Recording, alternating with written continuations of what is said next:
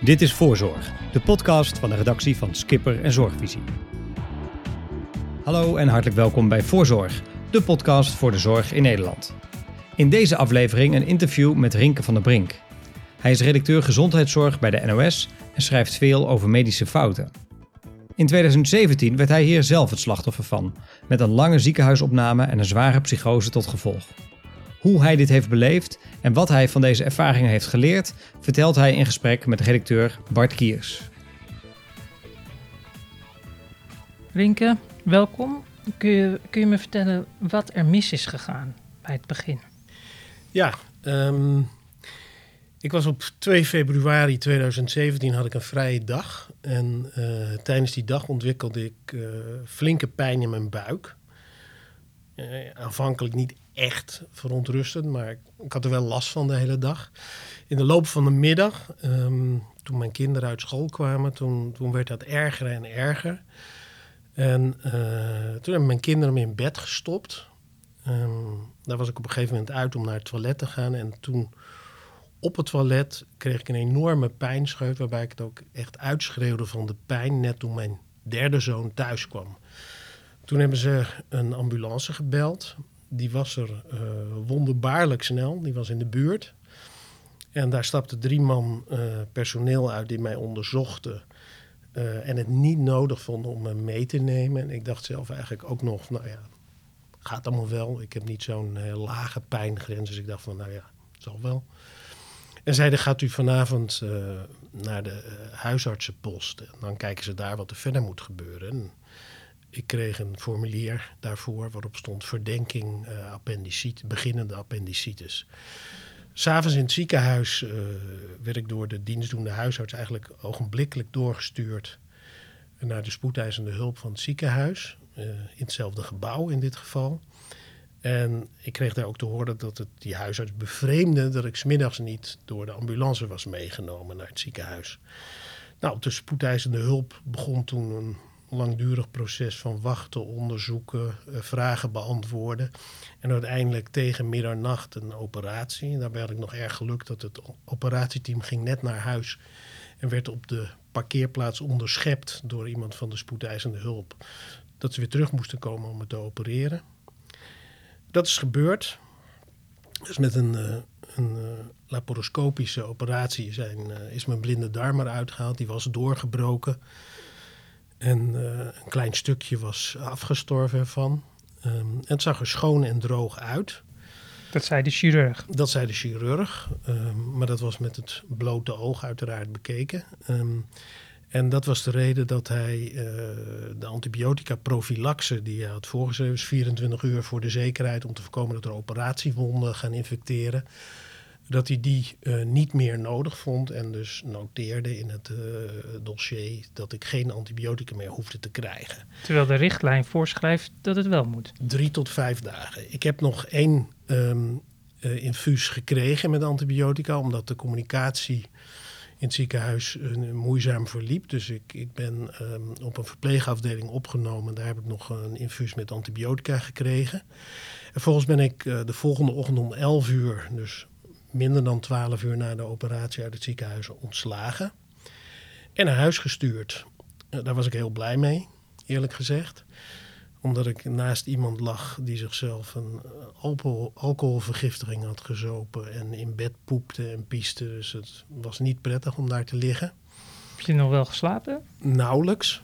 Um, ik kwam vrijdag, uh, dus om een uur of elf, was ik thuis overdag. En zaterdagnacht werd ik wakker en merkte ik dat ik koorts had. En hebben we het ziekenhuis gebeld. En zaterdagnacht om een uur of half twee was ik terug in het ziekenhuis. Waar op de spoedeisende hulp eigenlijk weer dezelfde procedure.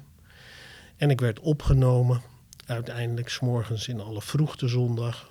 De zaalarts is toen komen kijken.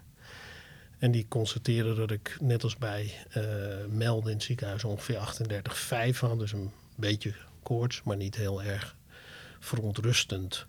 En dat is in de loop van de dag uh, gaan oplopen tot uiteindelijk uh, 40 graden s'avonds. Maar je kreeg wel antibioticum toen? Ik uh, kreeg een infuus met twee soorten antibiotica die hele dag. Maar die deden dus niet wat ze moesten doen, koorts de kop indrukken. en de infectie die ik had eh, bestrijden. Ik heb toen een heleboel keren om een arts gevraagd. En ook mijn vrouw tijdens het bezoek heeft daarom gevraagd, maar die kwam niet. Uiteindelijk kreeg ik te horen dat hij te druk was op de spoedeisende hulp. Omdat daar voor drie uur patiënten zat. Nou, ik kan uiteraard niet beoordelen hoe ernstig die patiënten eraan toe waren. Dat is de keus van die arts. En, uh, maar 40 graden koorts is wel hoog. Ja, dat is, ik was toen um, 61, bijna 62. Dus dat is een behoorlijk hoge koorts. Inderdaad, en, en, ja, bij kleine kinderen gaat dat snel omhoog en snel omlaag. Dat was bij mij niet zo, dus daar moest iets gebeuren. En uh, ik was er eigenlijk toen van overtuigd dat ik een, uh, een bloedvergiftiging had, een sepsis omdat ik Waarom dacht je dat? Nou ja, ik kreeg twee soorten antibiotica. Toch schoot mijn koorts uh, betrekkelijk snel omhoog. Ik voelde me zieker worden. En omdat ik een boek heb geschreven over antibiotica en antibioticaresistentie en infectieziekten, wat in 2013 is verschenen, weet ik heel veel van het onderwerp. Dus ik had eigenlijk die diagnose bij mijzelf gesteld. Dan zit je dus eigenlijk in een film of boek wat je, zelf, wat je hebt geschreven. Daar zit je dan zelf Middenin, ja, ja, ja. En ik weet ook dat uh, van de mensen die sepsis krijgen, dat er zo'n 15% van overlijdt. En als je niet ingrijpt bij een sepsis, wordt dat een septische shock. Uh, waarbij zo'n 50 tot 60 procent van de mensen overlijdt. En als je het overleeft, uh, de kans op schade aan vitale organen aanzienlijk is. Dus ik wist dat er ingegrepen moest worden. Dus jij voelde die urgentie en die nood, maar die kon je niet overbrengen op het personeel of zo? Nee, die zeiden dat mijn um, early warning score, dus een score die gehanteerd wordt in ziekenhuizen om te kijken of een patiënt uh, snel verslechtert en ingegrepen moet worden, dat die geen reden gaf uh, voor ongerustheid eigenlijk, of ook om aan te nemen dat ik een sepsis had. Uh, daar was ik het mee oneens, omdat ik voelde wat ik voelde en ook wist wat ik weet. Um, dus ik heb toen um, een, een bevriende hoogleraar uit een ander ziekenhuis dan waar ik lag, met WhatsApp-berichten ingeschakeld. Enigszins in paniek zag ik later, met allemaal hoofdletters erin en een beetje warrige berichten al eigenlijk. Maar waarin ik haar wel heb kunnen duidelijk maken dat ik dringend hulp nodig had. En ik heb haar gevraagd om de dienstdoende microbioloog in het ziekenhuis waar ik zelf lag. Um, ja, erop af te sturen, om in te laten grijpen in, in het ziekenhuis waar ik lag. En dat is gebeurd. Dus dat was een soort noodstap van je? Ja, dat, uh, dat was het. En uh, dat heeft erin geresulteerd uh, dat ik een extra antibioticum heb gekregen, een heel zwaar maar, middel. Wat gebeurde er precies toen? Nou, um, dit was, speelde zich rond half tien af, mm -hmm. kort na half tien. Ik kreeg een bericht van de jongleraar dat ze voor me aan de slag zou gaan. En uh, al snel daarna een volgend bericht dat ze de dienstdoende microbioloog had uh, gesproken. En dat die zou interveneren. En die kende zij ook, omdat ze die zelf had opgeleid in het verleden. Um, dat was allemaal heel gelukkig. Um, want dat voorkwam dat er misschien gezegd zou worden: dokter, bemoeit zich met uw eigen zaken. Um, die uh, dienstdoende microbioloog heeft vervolgens de spoedeisende hulparts gebeld. Um, dat gebeurde in ieder geval toen die spoedeisende hulp uh, eindelijk, arts eindelijk aan mijn bed verscheen. Toen werd hij gebeld door de microbioloog, dat heeft hij me verteld. Ik ben er niet zeker van of dat eerder ook al is gebeurd toen hij nog op de spoedeisende hulp was. Maar in ieder geval gebeurde dat uh, toen hij zich aan mij wilde voorstellen. Want toen excuseerde hij zich om de telefoon op te nemen. Um, en ik heb vervolgens op aanwijzing van de microbioloog een, gentamicine gekregen. Dat is een, een, een heel krachtig antibioticum. Um, wat uh, veel bijwerkingen heeft. Kan nier- en gehoorschade opleveren. Dat herinnerde ik me op dat moment niet, gelukkig. En ik heb dat gekregen na enige tijd. En um, dat, dat, ik denk dat ik voelde dat het aansloeg en uh, aan het werk ging in mijn lijf. En uh, daarna heb ik nog negen dagen in het ziekenhuis gelegen aan infuus met de twee antibiotica die ik eerder al kreeg. Volgens nog een week antibiotica, antibiotica meegekregen voor thuis. En daaraan aansluitend nog een nieuwe kuur gekregen van 10 dagen. Omdat ik nog een bijbalinfectie opliep als gevolg van mijn sepsis, van de buikvliesontsteking die sepsis wat was geworden. Dus ik heb in totaal vier weken antibiotica gebruikt. En uh, ja, na afloop daarvan kon je me eigenlijk wel uh, bij elkaar vegen. Er was niet heel veel van me over. Toen ben je naar huis gegaan toen ben je, en toen trad het herstel wel in, toch? Ja, dus ik heb tien dagen in het ziekenhuis gelegen en daarna die andere antibiotica-kuren thuis um, genomen. En ben toen langzaam begonnen um, met het herstelproces, kleine wandelingetjes en, en, en zo verder. Uh, ik ben met mijn vrouw op vakantie gegaan naar Curaçao uh, in de tweede helft van maart. Of eind maart eigenlijk en de eerste helft van april. Vakantie die we hadden uitgesteld, omdat die oorspronkelijk zou zijn toen ik in het ziekenhuis lag. En um, nou, daar had het er de schijn van dat ik aan het opknappen was tot de laatste dag. Toen ik na het snorkelen uh, wilde gaan afdouchen om het zeewater van me af te spoelen. En ik door mijn benen zakte en ook niet meer op kon staan. En uh, door mijn vrouw en haar oudste vriendin ja, tussen hun inhangend over hun schouders met een arm naar mijn handdoekje werd teruggebracht.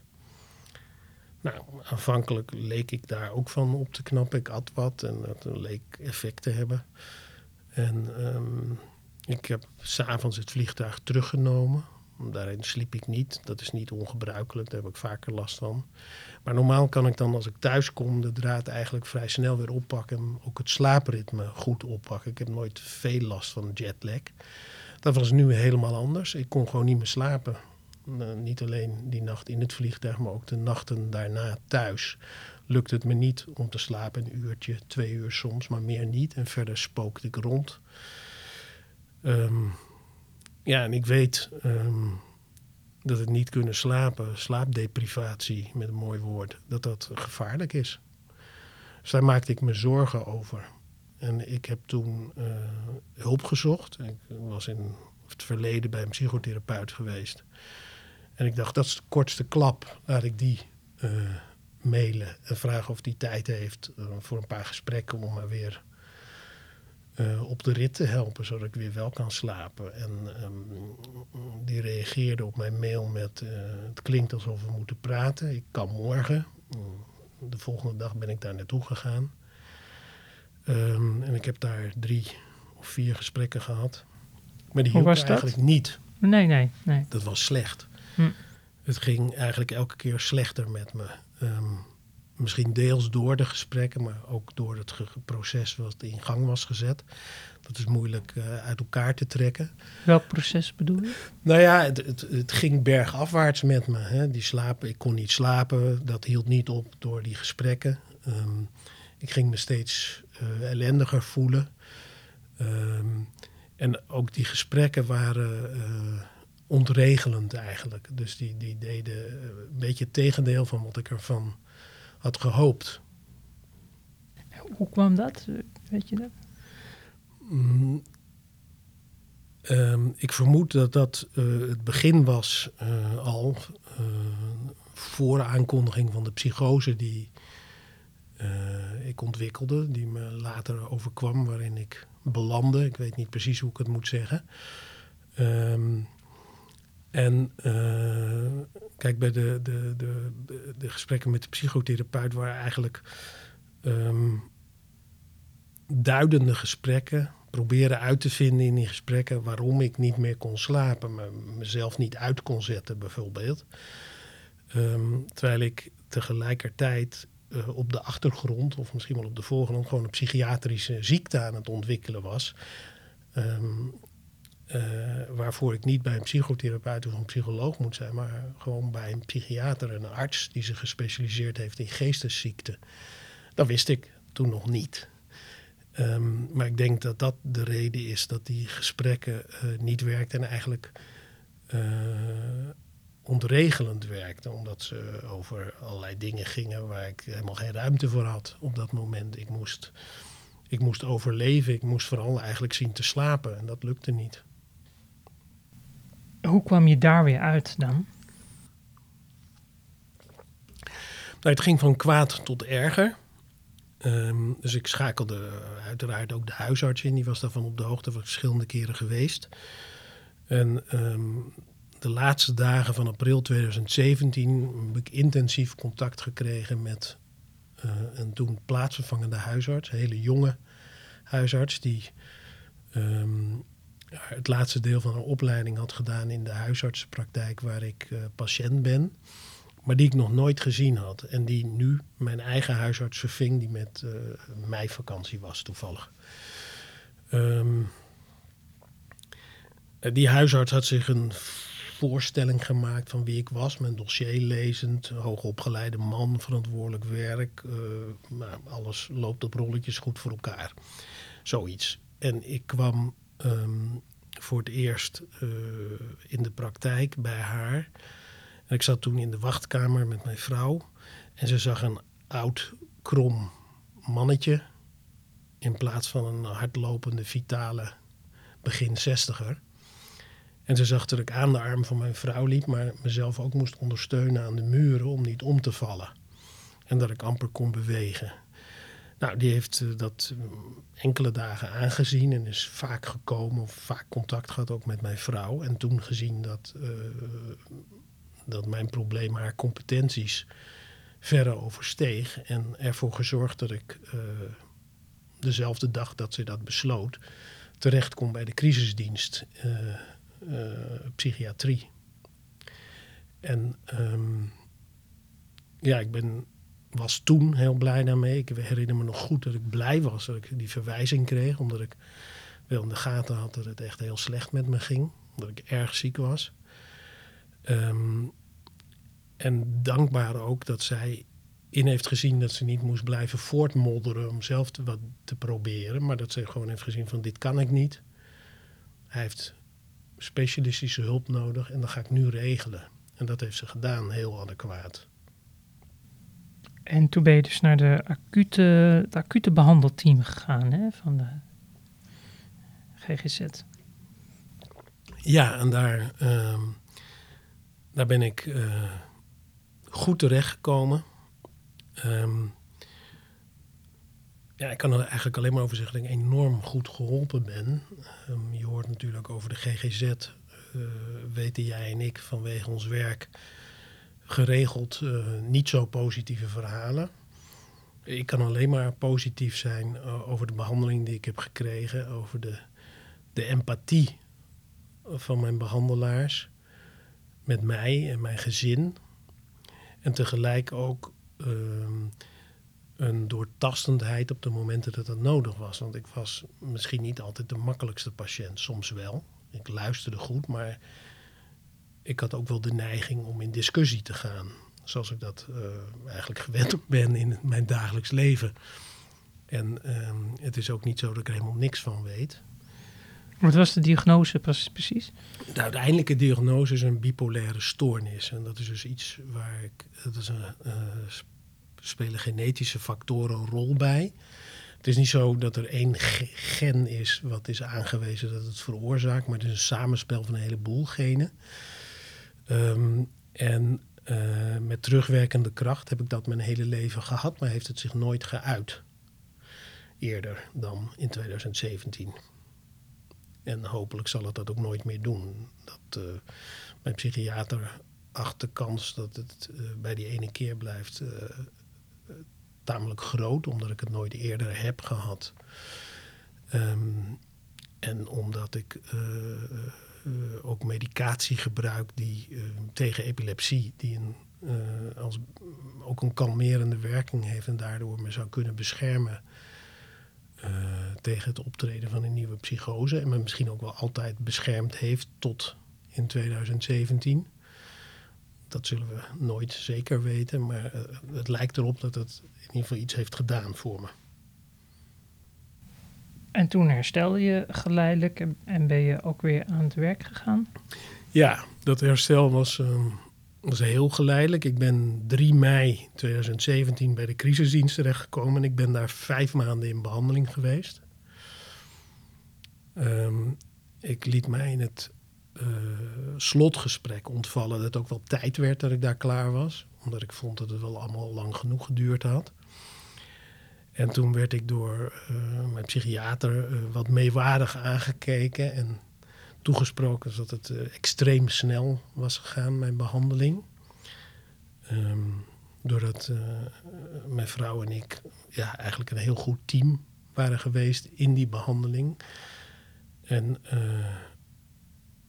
dat het daarom zo snel was verlopen, maar dat het heel vaak jaren duurt voordat iemand uit zo'n zware psychose is als ik heb gehad. Um, daarna ben ik overgedragen aan een reguliere psychiater, maar ik ben nog uh, al lange tijd uh, onder controle geweest, eigenlijk tot, tot onlangs. En um, ik heb dat, die, die vond een tijd terug dat ik wel uh, zonder hem kon, als ik dat wilde. Uh, ik heb toen gevraagd of ik uh, nog af en toe een afspraak kon maken met hem. omdat ik wist dat het schrijven van, van, van mijn boek Ik ben er weer ingrijpend was voor me. Heel anders dan de eerdere boeken die ik heb geschreven over extreme rechts. Of het laatste boek over antibiotica en antibioticaresistentie. Dat zijn gewoon onderwerpen waarin ik me jarenlang uitvoerig verdiept heb en met honderden mensen heb gesproken. En ik weet dan intussen wel hoe ik daar een boek van moet maken. Maar dit boek, um, dat is autobiografisch, dat was nieuw. Maar vooral um, autobiografisch over uh, ja, de zwartste periode in mijn leven. En uh, heel erg confronterend. Ik heb het geschreven aan de hand van heel veel dagboekaantekeningen die ik vanaf het allereerste begin heb gemaakt. Allerlei filmpjes die ik heb opgenomen, obsessief. Uh, filmbeelden die uh, een van mijn zonen heeft opgenomen. Uh, geluidsopnames, foto's, gesprekken met mensen, nou, noem maar op. Ik had veel materiaal. En het was niet altijd leuk om dat door te nemen, omdat uh, op allerlei plekken mijn gekte van toen er nadrukkelijk in, in doorklonk. Uh, soms in de vorm dat ik gewoon niet meer kon lezen wat ik had neergekrabbeld. En dat is wel heel bijzonder, omdat ik wel vaker heel snel heel veel aantekeningen maak als ik een interview maak met iemand of zo. En dan er eigenlijk altijd uitkom om te reproduceren wat er staat, hoe slecht ik het ook schrijf. Nu lukte me dat soms echt niet. En um, op andere momenten in de tijd zie ik opeens mijn handschrift beter worden, dat ik het beter kan lezen. Dan ging het ook al wat beter met me. En in de aantekeningen die ik dan wel, het gros kon ik uiteraard wel lezen. Um, ja, daar klinkt echt door hoe slecht het met me ging. Wat voor warrige ideeën ik had, wat voor waanideeën. Uh, hoe obsessief ik met dingen bezig was. Om een voorbeeld te geven, ik heb een hele periode lang en echt weken. Dan, dan ja, stond ik maar s morgens vroeg op, omdat het slapen nog steeds niet lukte. Toen ik pillen daarvoor had, sliep ik maar ook maar tot een uur of vijf, zes. Wat al heel mooi was, want dan sliep ik vijf of zes uur per nacht in plaats van één of twee.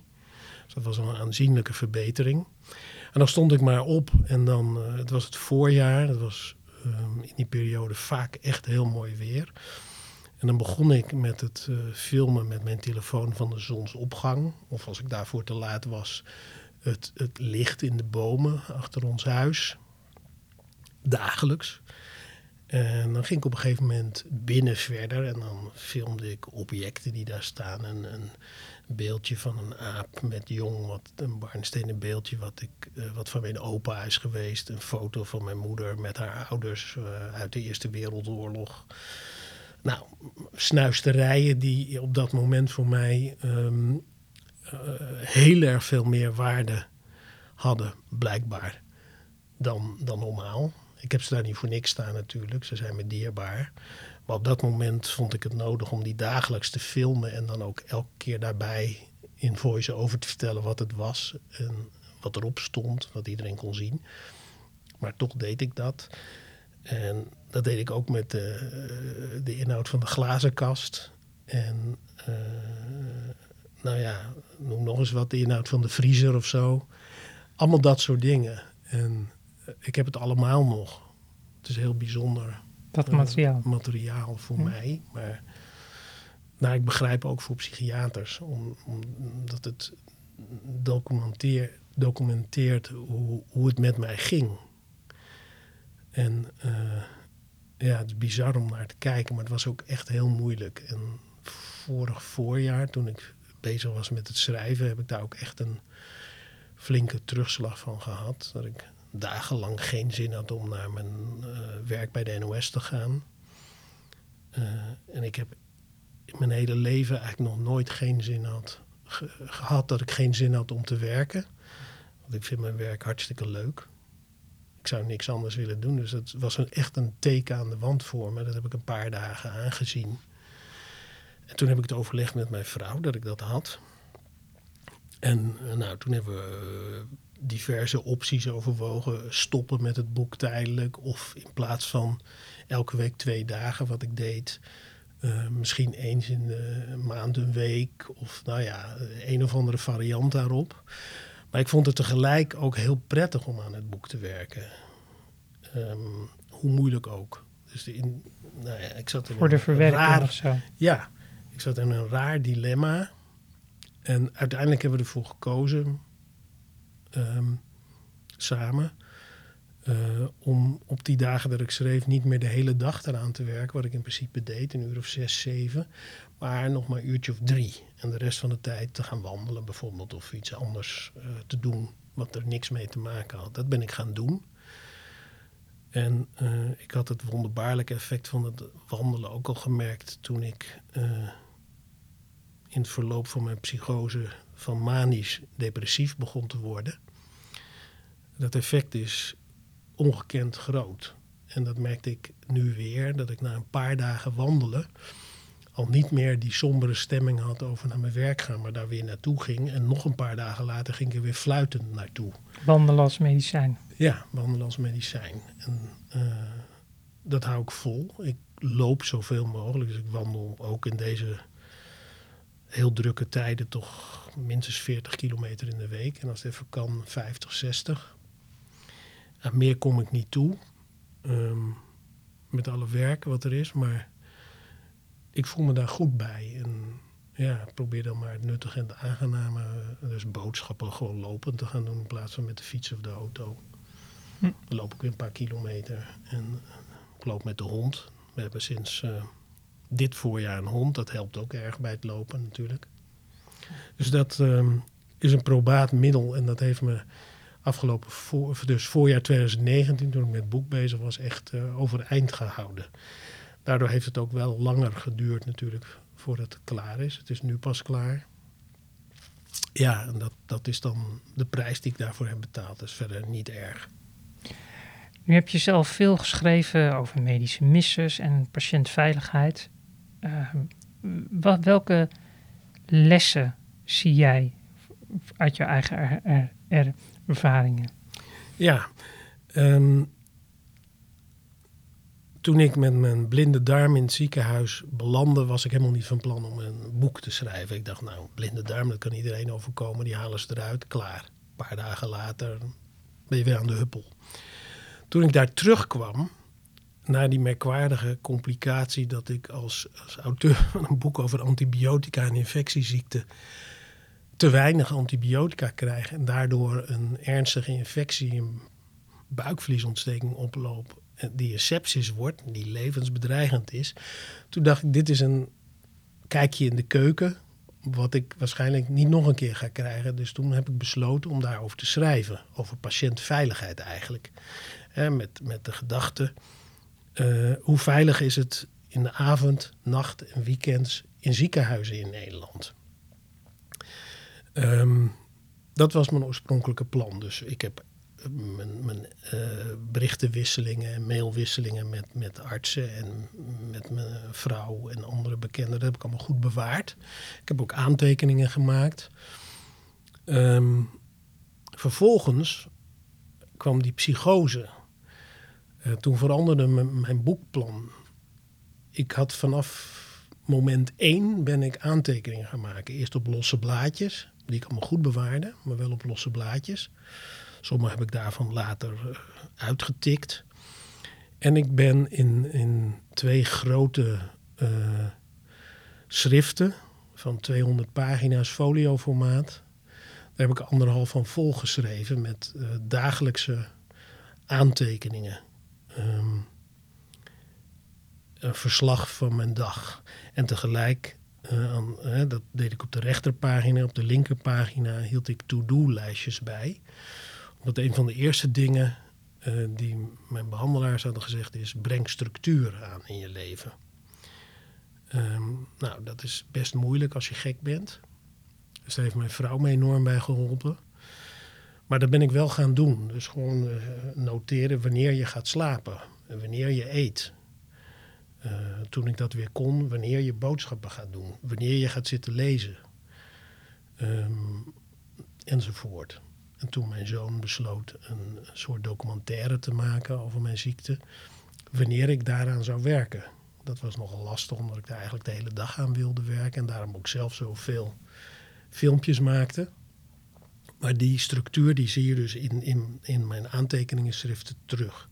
En als ik iets had gedaan, dan ging er een krul doorheen. En als ik het niet deed, dan kwam er de volgende dag terug op mijn to-do-lijstje. Um, dat is een belangrijk hulpmiddel geweest. En is het nou minder veilig in die avonduren en weekend? Nee, mijn conclusie is dat het inderdaad minder veilig is in de avond, de nacht en de weekends. En um, dat heb ik. Uh, ik heb daar uh, literatuur over opgezocht, waar daar sprekende resultaten in, uh, over worden gegeven. Grote, grote, met name Britse studies, waarin gewoon een, jaar lang alle ziekenhuisopnamen zijn bekeken en is gekeken of er meer mensen doodgingen die uh, in die avond, nacht en weekends werden opgenomen. Of met operaties, hoe het zit met operaties aan het begin van de week en het eind van de week.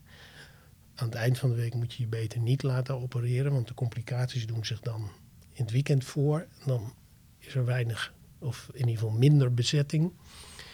Uh, en overlijden gewoon meer mensen, in ieder geval in de Britse ziekenhuizen. Het laatste inspectieonderzoek uh, dateert van 2011. Um, daar konden ze niet uh, aantonen dat er hogere sterfte was. Maar wel tonen ze daarin aan uh, dat er allerlei signalen eigenlijk op rood staan in de avond, nacht en weekenduren. En dat ziekenhuizen daar iets aan moeten doen. En wat, heb jij, doen. wat heb jij zelf ervaren? Nou, ik heb ervaren dat er te weinig personeel was. He, er was één dokter die berendruk was op de spoedeisende hulp, maar die, nou ik begreep, drie uur patiënt in de wachtkamer had zitten. Daar kunnen uh, doodzieke mensen bij zitten. Uh, ik ga niet zeggen dat hij naar mij had moeten komen en de mensen daar had moeten laten zitten. Maar die drukte is niet mijn probleem. Er hoort in een ziekenhuis, als er uh, patiënten een dokter nodig hebben, een dokter te zijn. En ik had echt iets heel serieus. diezelfde arts had ook nog, behalve de pieper voor de kliniek, en zijn werk op de spoedeisende hulp, had hij ook nog de reanimatiepieper op zak. En hij is ook opgeroepen voor een reanimatie. Dat is te veel werk en verantwoordelijkheid voor één artsassistent bovendien. Daar zit een achtervang achter, dus een, een, een uh, volleerde arts, een chirurg in dit geval, en dat was een artsassistent chirurgie. Die moet komen als het zo druk is. Maar dan moet hij wel gebeld worden.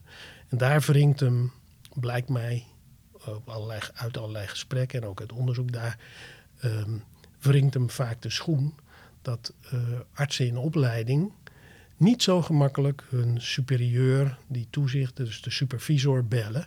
Omdat ze dan gauw doorgaan voor een watje. En dat kan ze ook hun opleidingsplaats kosten. Niet heel lang geleden hoorde ik van een um, uh, cardioloog in opleiding in een groot ziekenhuis in het land dat zijn supervisor vond dat hij te vaak belde. En die is zijn opleidingsplaats kwijtgeraakt daardoor.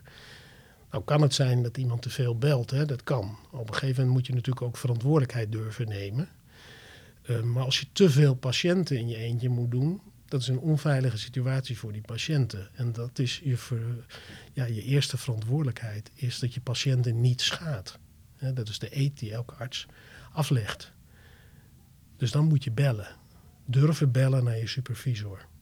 en ik denk dat uh, bestuurders goed moeten kijken of die bezetting in die uh, nachtelijke en avond- en weekenduren, of die wel voldoende is. En ik begrijp dat het heel duur is om een extra arts in te zetten, een jaar lang, uh, 24-7. Um, maar ja, veiligheid boven alles zou ik zeggen. Nu, heb je, nu gingen er ook dingen rond jouw uh, ziektetraject en opnames gingen mis.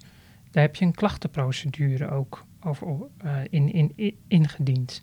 Kun je daar wat over vertellen? Zeker. Um, dus mijn, voornaamste klacht over mijn behandeling is dat ik te weinig antibiotica heb gekregen met een heleboel ellende tot gevolg.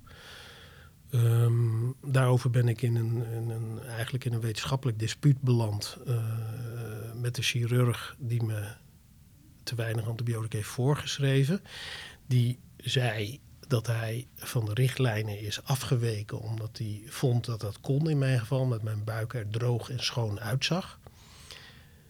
Um, achteraf, met de kennis van achteraf, heeft hij dat betreurd en gezegd dat hij wenste dat hij me destijds meer had voorgeschreven. Heeft hij ook zeg, zeg maar gezegd dat het fout was en zijn excuses aangeboden? hij zegt met de kennis van achteraf dat hij het betreurt. En uh, dat hij wilde dat hij meer had gegeven. Um, in de, uh, dat heeft hij me mondeling gezegd. In de schriftelijke klas, klachtenprocedure herhaalt hij dat. Maar voegt hij eraan toe dat het zijn, naar zijn mening waarschijnlijk weinig verschil had gemaakt. Dus zegt hij van ja, het was fout achteraf bezien met de kennis van nu. Maar het had niks uitgemaakt. Dus daarmee doet hij zijn soort excuses eigenlijk teniet. Um, uh, dat is jammer, want ik, ik uh, stelde op prijs dat hij in ieder geval uitsprak dat hij er spijt van had. Um, ook als hij er spijt van heeft, blijft het wat mij betreft een, behoorlijke kunstfout. Kijk, de mensen die die richtlijnen opstellen, um, zijn de absolute specialisten op dat gebied.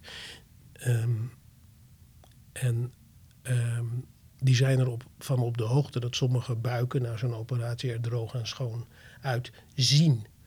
Maar met blote oog zie je geen bacteriën. En je hebt er, als je heel erg pech hebt, maar eentje nodig om ziek te worden. Um, en dat is waar ik uh, van alle microbiologen die ik erover heb gesproken, is dit is bij uitstek een geval waarin je antibiotica moet geven. En te weinig antibiotica geven is net zo erg als te veel antibiotica geven. Uh, in dit geval bracht het mij in gevaar. Dat is de voornaamste klacht. Um, een andere klacht die ik heb, die evident was en uh, waar ik ook uh, mijn gelijk heb gekregen, is dat ik um, tien dagen lang de verkeerde medicatie heb gekregen van het ziekenhuis. Ik werd opgenomen. En na de reconstructie is gebleken dat uh, de opnemende arts op de spoedeisende hulp, uh, toen mijn blinde darm er nog in zat, uh, heeft genoteerd dat ik depakine slik. En ik slik depakine chrono, met een vertraagde afgifte, zodat je een bloedspiegel in stand houdt. Dat is als je langdurig slikt van belang. Um, dus ik heb toen ik in het ziekenhuis werd heropgenomen, kreeg ik de verkeerde medicatie. Dat heb ik gezegd. Ik heb gezegd van ik moet depakine chrono hebben, niet depakine. Uh, dat heb ik een paar dagen volgehouden en ik heb ze nooit ingenomen. Dus elke keer bleven die potjes pillen staan. Uh, dus ik heb, ik denk, nou, een dag of vier, vijf heb ik gezegd tegen de verpleging: dit is de verkeerde, ik moet chrono hebben. Toen ben ik daarmee opgehouden, omdat ik het zat was. Ik had die pillen van thuis laten komen, mijn vrouw had die meegenomen, dus het was niet een, een, een probleem voor me. Maar het is een veelzeggende fout. De, uh, medicatiefouten zijn de meest voorkomende fouten en ook de fouten met de ernstigste gevolgen in ziekenhuizen alles bij elkaar. En, en dat zie je dus op de dag dat ik werd ontslagen, na tien dagen, kreeg ik eindelijk de goede pillen. Maar is eigenlijk met jou de informatie die jij als patiënt gaf, daar is eigenlijk niet zoveel mee gedaan. Dan. Nou, er is elke dag in mijn verpleegkundig dossier een uitroepteken gezet bij medicatie. Uh, maar er is verder niks mee gebeurd. Dus het is ook niet achterhaald of, of er ooit iemand heeft gezegd van die, die, man neemt zijn medicatie niet of hij weigert zijn medicatie. Er is alleen maar een uitroepteken gezet wat kan betekenen dat ik verdomme om het in te nemen. Wat kan betekenen dat ik de verkeerde middelen krijg. Wat kan betekenen dat ik het vergeten heb. Nou ja, van alles. Er is geen enkele actie op ondernomen. Verder had ik na mijn blinde darmoperatie was me een pijnstiller voorgeschreven. Die lag in de apotheek om me te wachten, maar ik wist dat niet. Niemand had dat gezegd. Ik had hem ook niet nodig. Maar het zegt wel iets over hoe die processen verlopen. Nou, het ziekenhuis heeft mij laten weten dat intussen elke patiënt bij opname een gesprek krijgt met een medewerker van de apotheek. En bij ontslag weer. Dat zou in principe het aantal medicatiefouten uh, moeten terugbrengen. Helemaal oplossen zal wel niet en er worden fouten gemaakt. Uh, maar, maar, dit waren evidente fouten, die zijn ook toegegeven. In de communicatie, dossiers waren niet compleet. En in dingen, er ontbraken dingen in, in mijn dossier. Op de zondag dat ik s'avonds 40 graden koorts had en s morgens 38,5 staat er een notitie. S morgens toen de zaalarts kwam. En een notitie dat ik 40 graden koorts had met twee uitroeptekens. Om half tien of om tien uur was die notitie gemaakt. Maar daartussen staat helemaal niks. Terwijl ik nou, minimaal vijf keer als het niet meer is om een arts heb gevraagd. En ook dringend. Dat stond niet in stond niet in mijn verpleegkundig dossier. Terwijl dat aan de verpleegkundige, verpleegkundige steeds was gevraagd. Um, ook daarover is gezegd dat er nog weer eens uh, iedereen op het hart wordt gedrukt. Uh, heeft de bestuursvoorzitter geschreven als reactie op de, het oordeel van de klachtencommissie. Um, dat hij nog eens iedereen op het hart zal drukken dat dossiervoering belangrijk is. Nou ja, dat is een beetje gratuite uh, reactie. Haal je de koekoek. Maar wat doe je eraan om te zorgen dat het gebeurt? Behalve zeggen dat het moet. Want dat is wel bekend bij iedereen, mag ik aannemen. Dus ja, die klachtenprocedure. Uh, dat, uh, ik kreeg daar dus op ondergeschikte punten gelijk en op het hoofdpunt niet. En um, belangrijk bezwaar van mij is dat um, de klachtencommissie volgt in zijn oordeel de chirurg die mij inderdaad geopereerd heeft op 2 februari. Maar me daarna tot 1 maart, toen we elkaar toevallig ontmoetten in het ziekenhuis, niet heeft gezien. Die is bij de hele traject rond de complicatie of de gevolgen van de medische fout in mijn ogen helemaal niet betrokken geweest. Toch oordeelde hij op basis van het uh, papieren dossier, voor zover beschikbaar, uh, dat ik geen uh, bloedvergiftiging heb gehad geen sepsis heb gehad, dat mijn leven dus niet in gevaar is geweest, dat er geen fouten zijn gemaakt. Terwijl de arts die mij behandeld heeft, aangeeft dat hij mij heeft behandeld voor een sepsis. Nou, dat is een curieus gegeven, maar die arts die mij behandeld heeft was een artsassistent die in de pikorde natuurlijk lager staat dan een chirurg. En de klachtencommissie heeft die chirurg gevolgd. Nou, die procedure was in uh, april 2000. 19 afgerond.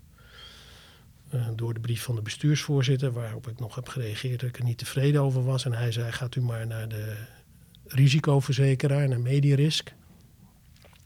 Vervolgens ontdekte ik twee maanden later um, dat er dingen ontbraken. Dat wist ik al dat mijn dossier niet compleet was, maar dat er essentiële informatie ontbrak, wist ik niet. Um, de interventie van de microbioloog die mij te hulp is geschoten op verzoek van de bevriende hoogleraar die ik ingeschakeld heb, die heeft in het dossier uh, opgenomen wat zij heeft, uh, wat voor opdracht ze heeft gegeven aan de behandelend arts. En ook dat er een kweek moest worden gedaan en, enzovoort. Um, en ze heeft mij het nummer van die kweek ter hand gesteld. Vervolgens heb ik een brief gestuurd dat mij was gebleken dat ik ook na twee keer vragen om mijn complete dossier en een totale klachtenprocedureafwikkeling, dat ik nog steeds niet beschikte over mijn hele dossier. Dat werd mij twee maanden later, in juli 2019 uiteindelijk toegestuurd. En dat viel met een grote plof op de deurmat. En daar stonden allerlei dingen in die ik niet wist. Dat ik op de intensive care heb gelegen korte tijd na de operatie dat ik wel degelijk behandeld ben voor een sepsis. Um, dat er sprake is van een mogelijke tweede gift, gentamicine. Daar weet ik nog altijd niet van of ik die nou heb gehad of niet. Wat is dat? Dat is het antibioticum wat me uh, is toegediend toen ik 40 graden koorts had. Maar het lijkt erop dat ik dat een paar dagen later nog een keer heb gekregen. Alleen is mij dat niet duidelijk geworden. Ehm, kortom, ik heb een brief gestuurd van 2-1. Of de hele klachtenprocedure is uh, gevoerd terwijl ik niet het hele dossier had, waardoor die voor mij waardeloos wordt. En mogelijk de klachtencommissie ook niet het hele dossier had. Of, en dan is die, ja, is die klachtenprocedure feitelijk een lachertje. Want zonder de gegevens kan je geen serieuze procedure voeren. Of ik beschikte niet over het dossier, maar de klachtencommissie wel. En ze hebben toch vastgehouden aan uh, een lezing die niet strookt met het dossier, namelijk die van de chirurg. En dan is het een leugenachtig oordeel. In beide gevallen is die klachtenprocedure in ieder geval niks waard. Uh, dat is de reden voor dat ik in extenso heb opgenomen in het boek. De hele briefwisseling met minimaal noodzakelijke verbindende tekstjes. Maar verder alles in zijn geheel geciteerd heb. Ja, en hoe het zit weet ik nog niet. Want dit krijgt nog een staart. Dit is nog dit niet klaar. Dit krijgt nog een staartje, ja. ja. ja. Ik wil in ieder geval weten wat, uh, waarop de klachtencommissie zich gebaseerd heeft. Hoe voel, um, hoe, hoe voel je je als patiënt in je hele behandeling serieus genomen? Nou, volstrekt onvoldoende. Um, hè, ik, um, er is niet naar me geluisterd toen ik zei dat het niet goed met me ging en dat het ook steeds slechter met me ging. Uh, dat heeft grote moeite gekost om daar uh, de noodzakelijke aandacht voor te krijgen en hulp uiteindelijk ook te krijgen. Die volgens de arts die mij behandelde dringend nodig was. Want die heeft aan mijn bed gezegd dat hij in mijn situatie ook al zijn contacten zou hebben ingeschakeld om hulp te krijgen. En dat inderdaad alle voorwaarden aanwezig waren dat ik een septische shock zou oplopen. Dus hij heeft mij dat gewoon bevestigd. Um, dus in die zin voel ik me niet serieus genomen en ook niet goed behandeld. Uh, in het vervolg ben ik veel beter behandeld. Maar um, toen was wel bekend geworden in het ziekenhuis dat ik redacteur gezondheidszorg van de NOS was. Um, en ik uh, weet niet of dat niet een rol gespeeld heeft daarbij. Um, en dat hoort eigenlijk niet uit te maken. Dat hoort niet uit te maken. Zoals um, toen ik bekomen was van mijn uh, sepsis, van de bloedvergiftiging. En ik twee dagen later dacht, ja, hoe zou het mijn buren vergaan zijn op mijn ziekenhuiskamer? Die niet over mijn contacten beschikken en die niet mijn kennis beschikken op dit specifieke terrein, als die zoiets was overkomen. En ik zag daar bijvoorbeeld dat een oudere uh, Marokkaanse vrouw, die nauwelijks Nederlands sprak, de communicatie met de verpleging en de artsen liep via haar kinderen als die op het bezoek waren. Maar die waren daar natuurlijk niet de hele dag. En na dagen bleek er opeens aan het ziekenhuis een, een tolk verbonden te zijn die gewoon kon worden ingeschakeld. Nou, ook dat vind ik een voorbeeld van een enormiteit echt. Dat gaat over kwaliteit van zorg. Die vrouw um, had beter zorg kunnen krijgen als die tolk eerder was ingeschakeld, die aan het ziekenhuis verbonden bleek.